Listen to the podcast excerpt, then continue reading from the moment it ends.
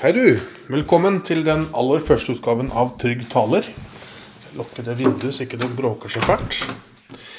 Jeg heter eh, Terje Nordkvelde, og i denne utgaven så har jeg lyst til å dele en metode med deg som jeg fant ved en tilfeldighet da jeg var skikkelig nervøs for å snakke i forsamlinger. Det er noen uh, år siden nå.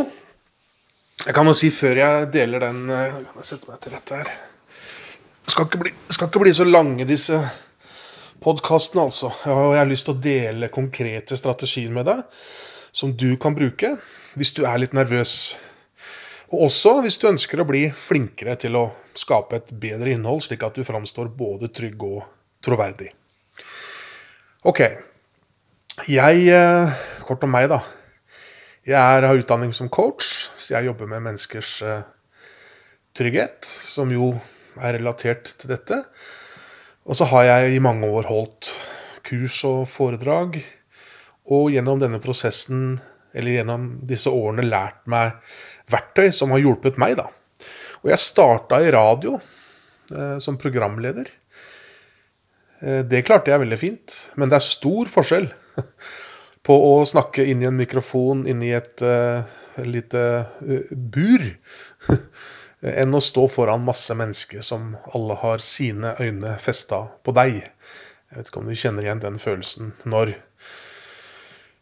hjertet begynner å pumpe, og beina og hendene og stemmen skjelver. Det er ingen god følelse, dette her. Så da har jeg lyst til å dele den metoden min da, som jeg kaller nødutgangen.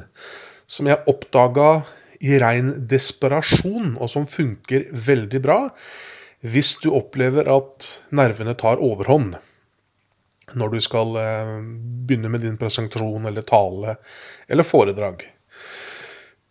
Og jeg jobba i NRK da, da jeg fikk, i, fikk spørsmål fra sjefen min om jeg kunne holde bare et lite innlegg på et morgenmøte om et uh, slags event som eh, en kollega og jeg hadde planlagt. Og det tenkte jeg vel at jeg ikke hadde så veldig lyst til. Men du vet jo hvordan det er. Denne frykten for å snakke i forsamlinger, den, eh, den kan jo stoppe deg fra å få til det du vil i livet. Den, den, stopper faktisk folk fra å søke på jobber hvor det er forventa at du er komfortabel med å gjøre sånne ting. Og jeg tenkte vel at eh, dette skal jeg klare, så det, det skal jeg ha poeng for. Og jeg hadde tilbrakt nok litt for mye tid på den presentasjonen. Stoffet kjente jeg godt, men jeg hadde ikke jobba noe med hvordan jeg skulle takle det. Og det har lært meg en del teknikker i etterkant da, for å dempe nervøsitet, som jeg skal dele gjennom disse podkastene. Så jeg eh, reiser meg da og skal opp og snakke til disse kollegene mine, som jeg kjenner alle veldig godt. Skulle i utgangspunktet ikke være noe skummelt, men det var det altså veldig. Og stemmen begynner å skjelve. Og jeg tenker at jeg klarer ikke gjennomføre denne presentasjonen. Hva gjør jeg nå? Og det var da jeg oppdaga nødutgangen, som jeg i ettertid har kalt den da. For, for i, rein, i rein desperasjon så henvender jeg meg til den kollegaen som har planlagt dette med meg, dette, det, dette eventet. Og så sier jeg eh, Du, Knut. Eh, før jeg begynner presentasjonen, kan ikke du si litt om eh, utgangspunktet for hvorfor vi ønska å gjøre dette? Det jeg gjorde, var veldig smart, men kan også være veldig sleipt og rett og slett litt dårlig gjort overfor kollegaen min. For som du sikkert har skjønt, så kaster jeg da all oppmerksomhet over på han. Og han skal da plutselig begynne å si noen ord før jeg fortsetter. Nå, nå, var han veldig trygg og god på dette, så han tok ikke noe skade av det. og det er klart, hvis folk får det kasta på seg, så rekker de kanskje ikke bli nervøse heller, om han ikke hadde vært så trygg, da. Men det som skjedde da, var jo at, eh, som du helt sikkert har skjønt, da, han begynner å prate litt.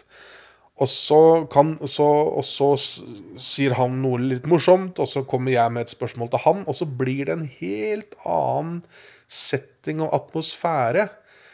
Vi, vi ler litt, og det blir en mye mykere inngang på det hele enn hvis jeg skulle vært sjølve motoren. Og sånn tre, to, én, vær så god og presenter. Ikke sant? Så nødutgangen handler om å kaste oppmerksomheten over på tilhørerne, da. Eller en kollega, i mitt tilfelle. Eh, En mye mindre sleip metode å gjøre det på er jo å stille et spørsmål, f.eks., til eh, gruppa. Du kan jo planlegge det. Du kan jo planlegge nødutgangen for å få en myk og god start. Og det å aktivisere tilhørerne er jo uansett en svært god idé. Så det du jo kan gjøre, er at du sier hvor mange her er det har opplevd i hverdagen at Ikke sant? Hvor mange her har erfaringer med det og det? Et eller annet som eh, får tilhørerne til å begynne. Og når det blir denne settingen med at folk deler litt og prater litt, så får du tid til å ta deg inn, og det demper din nervøsitet, og det blir en bedre presentasjon da. Bedre fordi du blir mindre nervøs, og bedre fordi det er smart å bruke folka i salen, rett og slett. Så det er nødutgangen, som jeg oppdaga ved en rein tilfeldighet. Nå bruker jeg den eh, mer bevisst fordi jeg ønsker å aktivisere publikum. Det kan vi snakke mer om i seinere podkaster. Sånn, da har du den. Eh, Hvis du ønsker å gå dypere og få mer innspill og tips og triks, så kan du sjekke ut eh, terjenordkveldet.com. Der finner du informasjon om meg, og hvordan du kan bli tryggere og mer troverdig når du skal ta ordet neste gang. Og så kommer det en ny podkast hver eneste tirsdag. Da kan du se fram til en ny episode av Trygg taler. Hvor langt blei det? Ja, Sju minutter, det er innafor. Takk for oppmerksomheten.